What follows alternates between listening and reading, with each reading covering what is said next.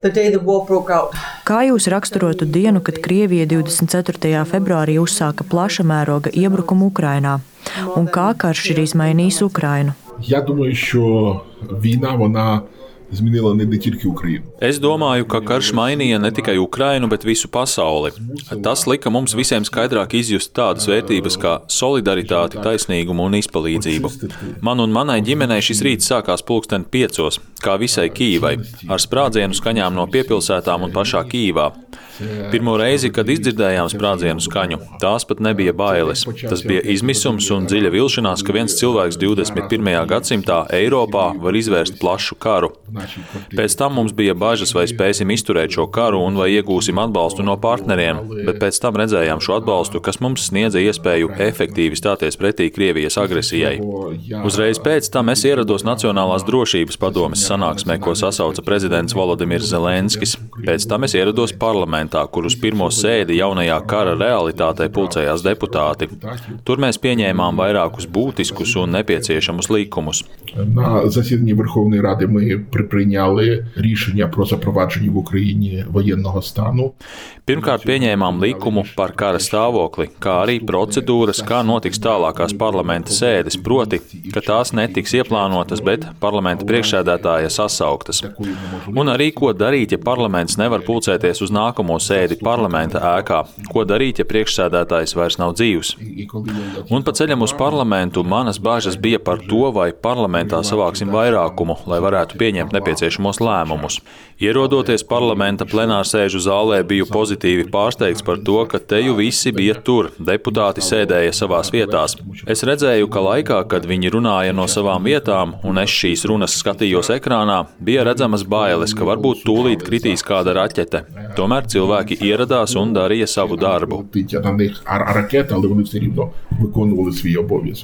And Zelensky said yesterday Zelenskis pauda cerību, ka nākamgad karš būs beidzies. Vai jūs uzskatāt, ka tas ir realistiski un kādas kara iznākumam būs sekas Ukrainā un Eiropā? Я почну з того, чи це можливо. Pirmkārt, es gribētu teikt, ka kara izbeigšana nav tikai iespējama, bet tas ir nepieciešams. Ir trīs absolūti kritiski resursi turpmākajā procesā un izmaiņu sasniegšanā - cilvēku resurss, finansiālais resurss un laika resurss Un pašlaik šajā karā redzam, ka laika resurss ir kritiskākais. І тому, от коли ми говоримо сьогодні про те, що всі наші партнери готові підтримувати kad mūsu partneri runā par to, ka tie ir gatavi atbalstīt Ukrainu tik ilgi, cik nepieciešams, es gribu atzīmēt, ka ir kritiski svarīgi pabeigt šo karu līdz šī gada beigām, jo cilvēki mirst un arī ekonomika izjūt lielu izaicinājumu.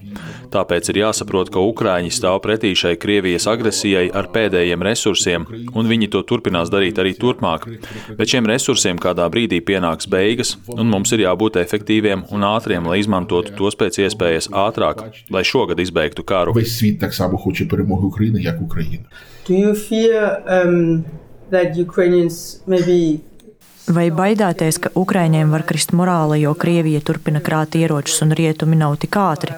Vai tas ir kaut kas, par ko satraucaties runājot par laiku? Дуже складно демотивувати українців, тому що вони б'ються на своїй території за свою землю і за майбутнє своїх дітей. Ir grūti demotivēt cilvēkus, kas cīnās savā teritorijā par savu valsti, par savu bērnu nākotni. Būsim godīgi, mēs esam sagrāvuši mītu par to, ka Krievijas armija ir otrā spēcīgākā armija pasaulē. Tā nav spēcīgākā armija, bet ar lieliem resursiem, un tai ir liels skaits cilvēku, savukārt mūsu resursi ir ierobežoti.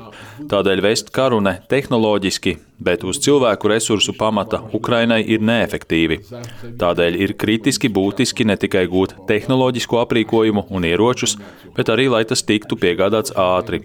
Birokrātija, kas šo procesu palēnina, katru dienu Ukrainai maksā jaunus zaudējumus, galvenokārt dzīvību zaudējumus. The EU, uh, I think everyone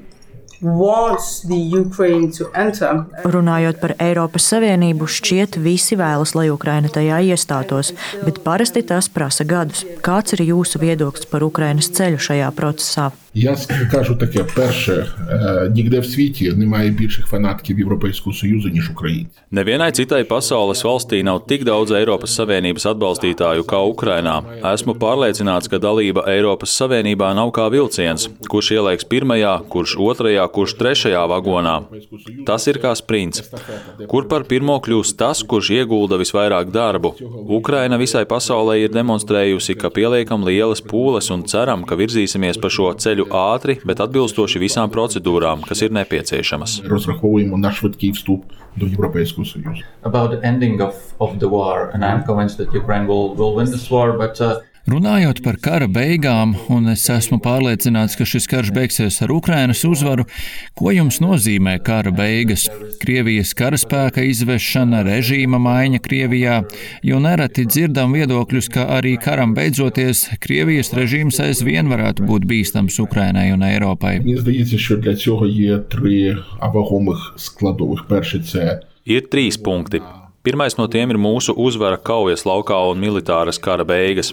Otrs punkts ir, ka Krievijas darbībām ir jātiek definētām kā kara noziegumiem, un Krievijas pastrādātajiem kara noziegumiem ir jātiek tiesātiem starptautiskajās tiesās. Un trešais punkts ir reparācijas no Krievijas par visām ciešanām un zaudējumiem, ko Krievija ir nodarījusi savas agresijas rezultātā.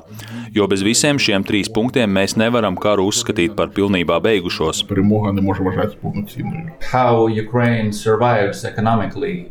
Kā Ukraina izdzīvo ekonomiski? līdz šim, un kā ekonomika ir pielāgojusies situācijai, kad valstī notiek karš? Ну, нам вдалося е, вже після того, як іде один рік ві, Tagad, kad ir pagājis gads kopš Ukrainā notiek karš, es varu teikt, ka mums ir izdevies noturēt ekonomiku, finanšu sistēmu, banku sistēmu kontrolē, un valsts budžetā esam atraduši veidus, kā finansēt izmaksas, pamatā kara izmaksas. Bet, protams, esam ļoti pateicīgi mūsu partneriem, kas pamatā padara mums iespējamu no Ukrainas budžeta nodrošināt arī sociālo sfēru valstī.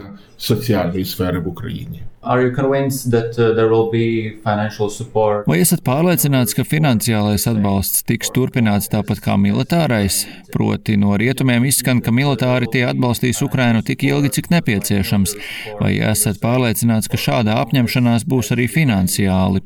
Я б хотів, щоб в наступні роки ми говорили тільки про пи- питання Mums ir jārunā par situāciju, kurā mums vajadzētu finansiālo palīdzību nākamajiem gadiem tikai Ukrainas rekonstrukcijai paredzētajiem mērķiem, un militārajam atbalstam un finansiālajam atbalstam kara kontekstā būtu jābeidzas šogad. Tam būtu jābūt mūsu kopīgajam mērķim, ka finansiālā un militārā palīdzība šobrīd dod mums iespēju sasniegt uzvaru šogad. сприяли тому, щоб війна була війна була завершена нашою перемогою в цьому році.